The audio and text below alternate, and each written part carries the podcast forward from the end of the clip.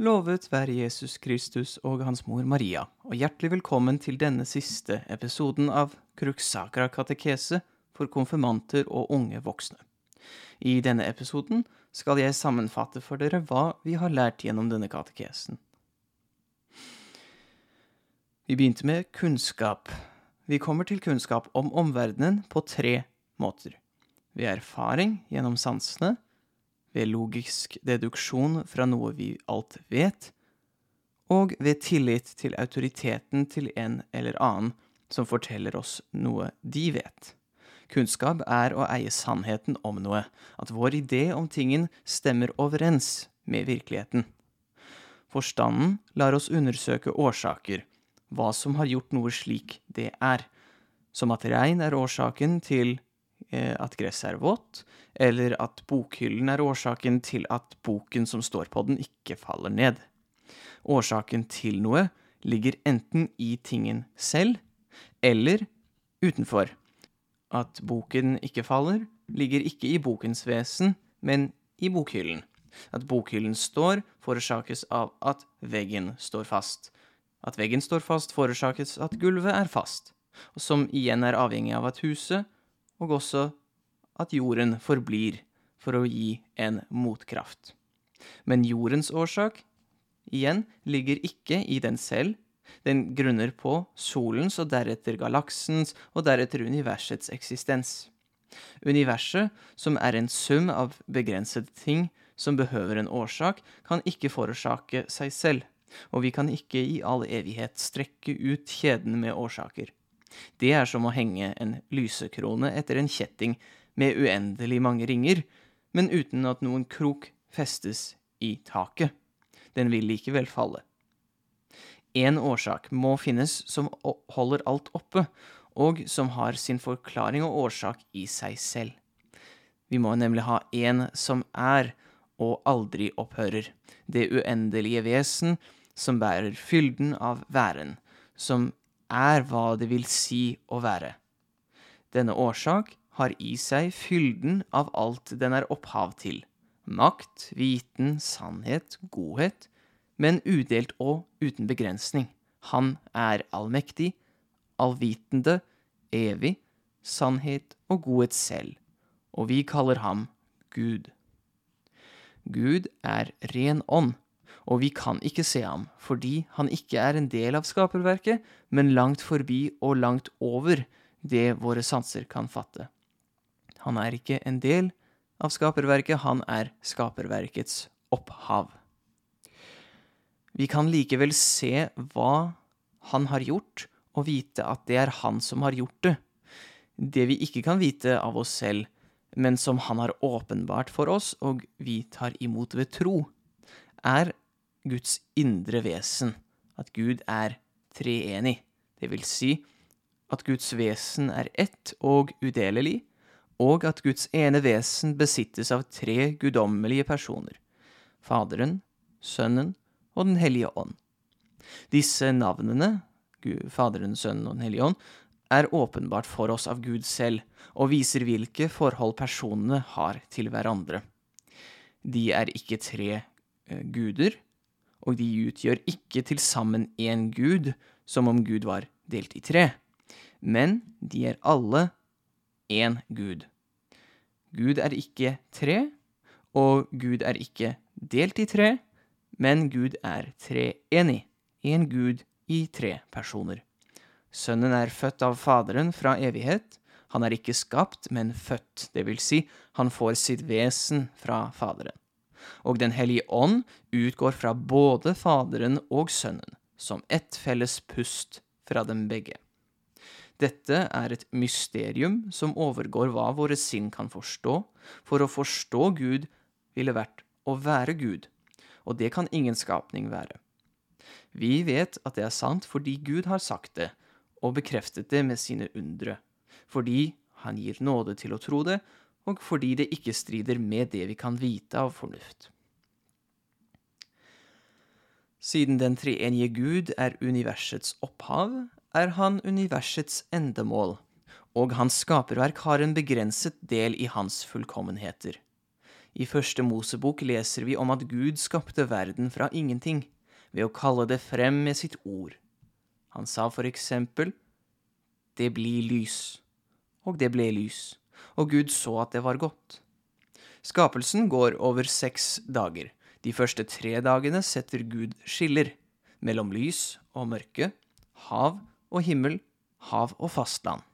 De tre siste dagene utsmykker han hver region med mange forskjellige skapninger. Skapelsens krone er de rasjonelle vesener, englene og menneskene. De hellige engler skapes helt i begynnelsen, som rene ånder, kalt frem av Gud for å tjene og lovprise ham, og for å styre skaperverket. Alle englene skapes i fullkommen lykke og nåde, men noen av dem nekter å underkaste seg Guds vilje. Disse englene, anført av Satan, gjør opprør mot Gud, men blir styrtet av ham i helvete. Til sist skaper Gud mennesket i sitt bilde og i sin likhet. Han puster sitt liv inn i mennesket, mann og kvinne, og gir dem hele jorden i eie. De er i Guds bilde fordi de har i seg en rasjonell sjel, med forstand til å kjenne og vilje til å elske Gud og hans skapelse. De er syndfrie og hellige, og skal lede det synlige skaperverket i tilbedelsen av Gud. Dette er deres hensikt, og derfor er de lykkelige. Herren lar dem gjøre som de vil, bare la være å ete av treet med frukten som gir kunnskap om godt og ondt, frukten som vil la dem se alle valgene de kunne ta heller enn å følge Guds vilje. Men djevelen frister Eva og sier at hun og Adam vil bli som guder hvis de spiser av frukten. I ulydighet spiser Eva, og i ulydighet tar Adam imot frukten fra henne. De forsaker den opprinnelige nåde og skjønnhet de ble skapt med, og gis over til alle sine lavere begjær, den indre integriteten som gjorde at alle lystne underordnet seg viljen og viljen forstanden, opphørte, og både sjel og legeme tok skade av det. Viljen ble svekket, sinnet ble formørket, og kroppen ble svakelig og tilbøyelig til sykdom og død. Dette var for Guds rettferdighets skyld, slik at de skulle se at han ville håndheve det budet han hadde fastsatt. Men det var også så mennesket fikk merke at det er fullstendig avhengig av sin skaper, og at alt som er lys og liv og lykke for det, består i samvær med Gud sin Fader. De onde menneskene holdt seg til mørket, og de gode angret seg og ba Gud om nåde og forløsning. Adam ba om det, og Gud lovte ham at en av hans sønner, en menneskesønn, skulle knuse slangens hode og frelse hans ett. Noah ba om det, og ved å spare ham og hans ett fra syndfloden viste Gud ham sin godhet, som skulle berge de rettferdige, og la dem bo på en ny jord. Abraham ba om det, og Gud lovte ham en ett så tallrik som stjernene på himmelen, fra hvem det skulle komme velsignelse over alle folkeslag. Moses ba om det, og ble mellommann for den gamle pakt, med dens bud og forskrifter gitt som løfte om det kommende riket og de sanne sakramentene, og med påsken som tegnet på utfrielsen fra synd som kommer ved lammets blod. Slik fikk de lære de ti bud, som viser oss hvordan vi skal handle mot Gud og mot vår neste. Kong David ba om det, og til ham lovte Gud en arving som skulle sitte på hans trone til evig tid. Profetene ba om det, blant dem Jesaja, og til ham ble det lovt at Immanuel, Gud med oss, skulle fødes av en jomfru. I århundrer ventet de, og i lang tid ba de. Gjennom undertrykkelse, bortførelse og sorg holdt Israels hellige ut i rop om at Gud skulle holde sin ed til fedrene. Og så, i tidenes fylde, steg Guds sønn, det evige ord, ned fra himmelen og ble unnfanget, i jomfru Marias liv, et sant menneske med kjøtt og blod, tatt fra en menneskelig mor. Slik ble Gud sønnen menneske ved Den hellige ånd, og i Davids by, Betlehem, fødte Maria sin skaper og frelser, og Josef, hennes husbond, ble fosterfar for Israels Gud. Guttebarnet fikk navnet Jesus, Gud frelser. Han er sann Gud og sant menneske i én person, ikke halvveis Gud eller halvveis menneske, men fullstendig Gud og fullstendig menneske. Han er den Messias, den Kristus, frelser, konge, herre og offerlam som var lovet. Han er den nye Adam, og for at han skulle bli født i samme verdighet som Adam ble skapt med, ble Maria hans mor unnfanget uten synd, en ny paktens ark, for å bære frem Guds ord blitt kjød. I oppfyllelse av Jesajas profeti og i tråd med sin verdighet som Guds mor bevarte Maria bestandig sin jomfruelighet og hadde ingen andre barn. Da Jesus var omtrent 30 år gammel, ble han døpt av Johannes døperen. Han samlet disipler, og de tolv fremste, med Peter fremst av dem, ble apostler. Apostlene ble hans ledsagere og vitner til hans lære og undere, som stadfestet hans guddommelighet, og de ble utpekt av ham til å undervise, lede og helliggjøre Kristi får, som Kristi utsendinger. Gud ble menneske for å rette opp det som var svekket i vår falne natur, for at mennesket skulle vinne tilgivelse og helbredelse ved forening med gudmennesket.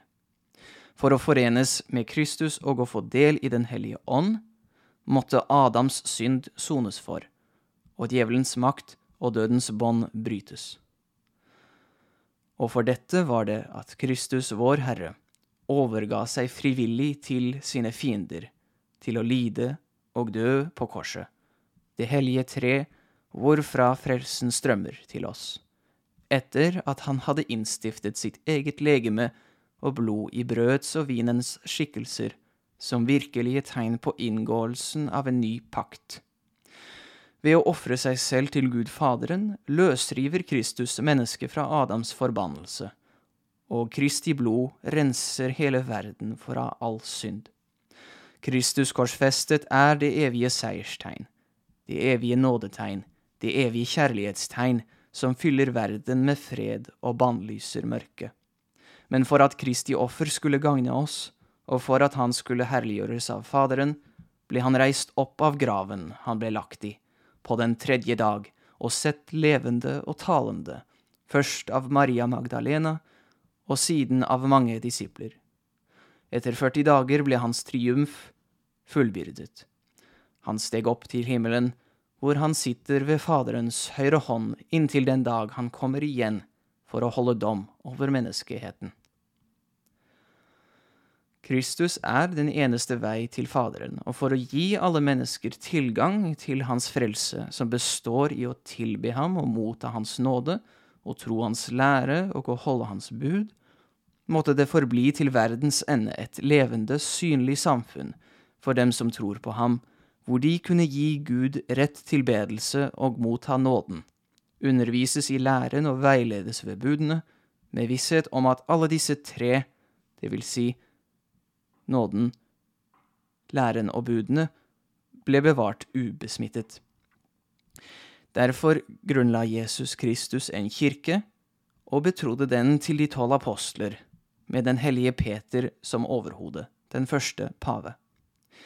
Kirken viderefører Kristi tredelte embete, som prest, profet og konge, ved å bære frem Kristi korsoffer i eukaristien og gi Gud sann tilbedelse, ved å helliggjøre Guds folk gjennom nåden i sakramentene, ved å forkynne evangeliet og ved å lede de troende til å holde budene. Den sanne kirke har fire kjennetegn, som vi har fra trosbekjennelsen. Den er én, hellig, katolsk og apostolisk. Kirken må være ett, én tro, ett synlig overhode. Det må være hellig, et hellig opphav, et hellig mål, hellige sakramenter, mirakler, mange hellige medlemmer, dog ikke alle er hellige. Og den må være katolsk, fordi den besitter fylden, eller helheten, av kristen tro. Den er for hele verden og for alle tider og den må være apostolisk, den, det vil si ett med apostlenes lære og etterfølgere. Den katolske kirke er den eneste sanne kirke. Hun alene er Kristi brud, med fylden av Kristi lære, med alle nådemidlene Kristus innstiftet, med messeofferet han befalte, med Peters og de andre apostlers etterfølgere som sine ledere. Kirkens lære sammenfattes i trosbekjennelsen, og de fremste dogmene og mysteriene er treenigheten, inkarnasjonen, at Gud ble menneske, og forløsningen, at han frelste oss. At det er én Gud i tre personer, at Sønnen ble sant menneske, og at han led død og oppsto for alle mennesker, og stiftet en kirke de kunne oppnå denne frelsen i. Kirken har også fire store dogmer om Maria Jesu mor, nemlig at hun ble unnfanget uten arvesynd, at hun er Guds mor fordi Gud kom til verden gjennom henne, at hun forble jomfru før, under og etter Kristi fødsel, og at hun ved sitt jordiske livs slutt ble tatt opp til himmelen med både legeme og sjel. Kirkens viktigste handling og kilden til dens liv er messeofferet, som enhver katolikk skal delta i hver søndag. I messen oppleses Guds ord for de levende og de døde, og brød og vin frembæres av presten, akkurat som på skjærtorsdag, og når presten gjentar Kristi ord, forvandles brødet og vinen om til Jesu Kristi legeme og blod. En sann tilstedeværelse av Kristi ene offer på korset, hvor Hans nåde øses ut over de som gjør seg i stand til å ta den imot ved tro og omvendelse. Messen er et offer til Faderen, og fordi det forenes med korsofferet, har det en uendelig verdi. Der møtes himmel og jord, og de troende kan selv få møte Kristus og motta hans legeme under brøds ytre skikkelser, og forenes med sin frelser og Gud på den nærmeste måten som er mulig i dette liv. I tillegg til å undervise og gå frem frembære messeofferet, skal Kirken veilede de troende til å leve hellige liv i Guds nåde, slik at de kan oppnå den evige frelse. Et hellig og rettferdig liv består i å elske Gud og sin neste, og dermed i å etterleve Guds vilje, det vil si å ha Den hellige ånd boende og virkende i seg. Daglig etterfølgelse av Guds bud danner vaner for å gjøre det gode, det vil si dyder. Man har naturlige dyder, som rettferd, klokskap, mot og måtehold, som man kan oppnå på egen hånd. Og man har de overnaturlige dyder, tro, håp og kjærlighet, som ikke kan oppnås ved hardt strev, men som kommer av Guds nåde. Nåde er Guds frie gave, som opplyser forstanden og styrker viljen til å kjenne og elske Gud og utføre dydige handlinger. Det er en delaktighet i Guds vesen som virker gradvis til å rette opp syndige vaner, det er også kalt laster, og å danne dyder, og dermed fylles sjelen med sunnhet og liv, som sprer seg til og med til kroppen. Synd på sin side er brudd på Guds lov, som danner onde vaner, og kaster ut Guds liv i sjelen om den er alvorlig nok, og begås med vilje og viten om alvoret. Disse syndene, som er alvorlige, som begås med full fri vilje og med viten om alvoret, kalles dødssynder, og de tar livet av sjelen på et vis. Men de synder som ikke er så alvorlige, eller som ikke begås fritt eller med forståelse av alvoret, kalles venielle synder. Eh, for å reparere skadene som synden gjør i oss, skal vi utøve den motsatte dyden, og vi skal gjøre bot. Eh, for å tilgis for en eh, dødssynd er det nødvendig å gå til skriftemålet. Venielle synder kan tilgis ved på andre vis. Nåden oppnår vi først og fremst ved de syv sakramenter. Dåp, ferming, eukaristi, bot, sykesalving, ordinasjon og ekteskap. De er synlige tegn innstiftet av Kristus selv, som formidler Guds usynlige nåde og ulike åndelige gaver. I dåpen fødes man på ny av vann og ånd, og blir en lem på Kristi legeme, fridd fra all synd, både arvesynd og personlig synd. I fermingen fullendes dåpen, og man styrkes i åndens syv gaver. I eukaristien forenes man med Jesus Kristus i hans legeme og blod, og får den største nåden av alle som man kan få på jorden. I boten eller skriftemålet gir den barmhjertige Gud tilgivelse til angrende syndere som bekjenner det gale de har gjort, for ham gjennom presten, og som lover å holde hans bud og forandre sine liv. Uansett hva de har gjort, kan de få tilgivelse. I sykesalvingen får de døende og syke helbredelse, mot, trøst og styrke, så de kan forbli faste i Guds nåde inntil døden. I ordinasjonen gis en ugift mann myndighet og kraft til å fortsette Kristi ytre prestegjerning ved offer, undervisning og ledelse av Guds folk, som diakon, prest eller biskop. Og i ekteskapet avgir en mann og en kvinne livslange løfter om trofasthet til hverandre, så de kan stifte en familie og lære sine barn å kjenne Gud. Livet på jorden tar slutt ved døden, som er en konsekvens av synd. I døden skilles sjelen fra kroppen, og kroppen begraves, mens sjelen stilles for Gud, for å svare for seg om hvordan den har brukt den nåde og de talenter den ble gitt. Dette kalles særdommen, og utfallet kommer an på om man døde i Guds kjærlighet, med Den hellige ånd i seg, og om man i sitt liv og i sitt siste øyeblikk elsket Gud. Den som dør i Guds nåde, vil sendes inn til den himmelske glede, men først gjennom skjærsilden hvis noen tilknytning til venielle synder gjenstår mens den som dør utenfor Guds nåde, som ikke tjente ham, og som satte seg selv fremst, forvises til eh, helvete.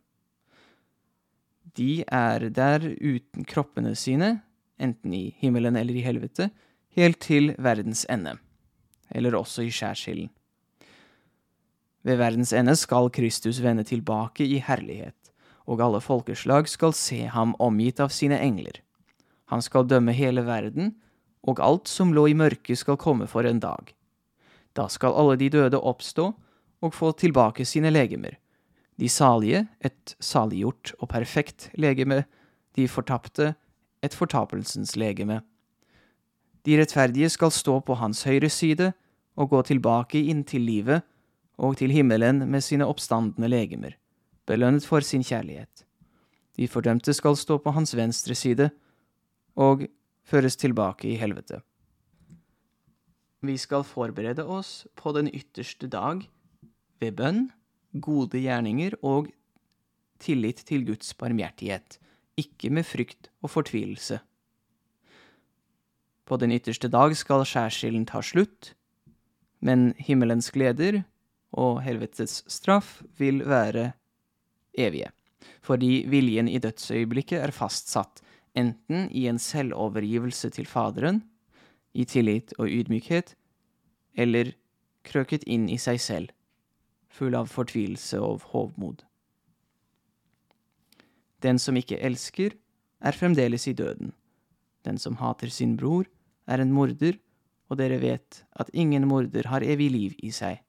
Hva kjærlighet er, har vi lært av at Jesus ga sitt liv for oss. Så skylder vi også å gi vårt liv for våre brødre. Mine barn, vår kjærlighet må være sann, ikke tomme ord, men handling. Slik skal vi vite at vi er av sannheten, og vi skal stille våre hjerter til ro for hans åsyn. For selv om hjertet fordømmer oss, er Gud større enn våre hjerter, og vet alt. Mine kjære, dersom vårt hjerte ikke fordømmer oss, har vi frimodighet for Gud, og det vi ber om, får vi av ham, fordi vi holder hans bud og gjør det som er etter hans gode vilje. Og dette er hans bud. Vi skal tro på Hans Sønn, Jesu Kristi navn, og elske hverandre slik som Han bød oss. Den som holder Hans bud, blir i Gud, og Gud i ham. Og at Han er i oss, det vet vi fordi Han har gitt oss sin ånd. Det står i første Johannes brev. Den som altså våker og vandrer i lyset, som lysets barn, renset og vigslet i dåpen, helliggjort av sakramentene, den som hører ordet og lar det slå rot i sitt hjerte, som ydmykt tror alt hva Gud gjennom kirken lærer og åpenbarer, den som ber hver dag, den som tilgir og elsker sin neste og sine familiemedlemmer, den som gir av det gode han har og ikke holder noe tilbake, den som opplyst av Den hellige ånd vandrer på livets vei og lar seg forvandle og vokse til å bli Kristus lik, i alt, først og fremst i kjærlighet, den som ikke gir opp kampen mot det onde, men som holder fast ved budene og det gode, denne skal få se, på Kristi dag, at det grå sløret dras til side, at Herren innbyr de salige til bryllupsfest, hvor Kristus og kirken, hans brud, skal forenes endelig og for alltid. Denne skal få høre seiershornet og jubelropene når de salige får se den hellige by komme i skyene, det evige Jerusalem. Der skal deres hjerter fryde seg, og for all tid skal de lovsynge den hellige treenighet, og sangen og herligheten skal aldri ta slutt. For alltid skal lyset råde, ondskap støtes ut, og Gud være konge. Gud skal være deres lys, og de skal herske med ham, og de skal få se Gud som han er. Salige er de som vasker sine klær, så de får rett til å spise av livets tre og gå gjennom portene inn i denne byen. Vår Herre sa, For dette er min Faders vilje at hver den som ser Sønnen og tror på ham, skal ha evig liv, og jeg skal oppreise ham på den ytterste dag. I Faderens og Sønnens og Den hellige ånds navn. Amen.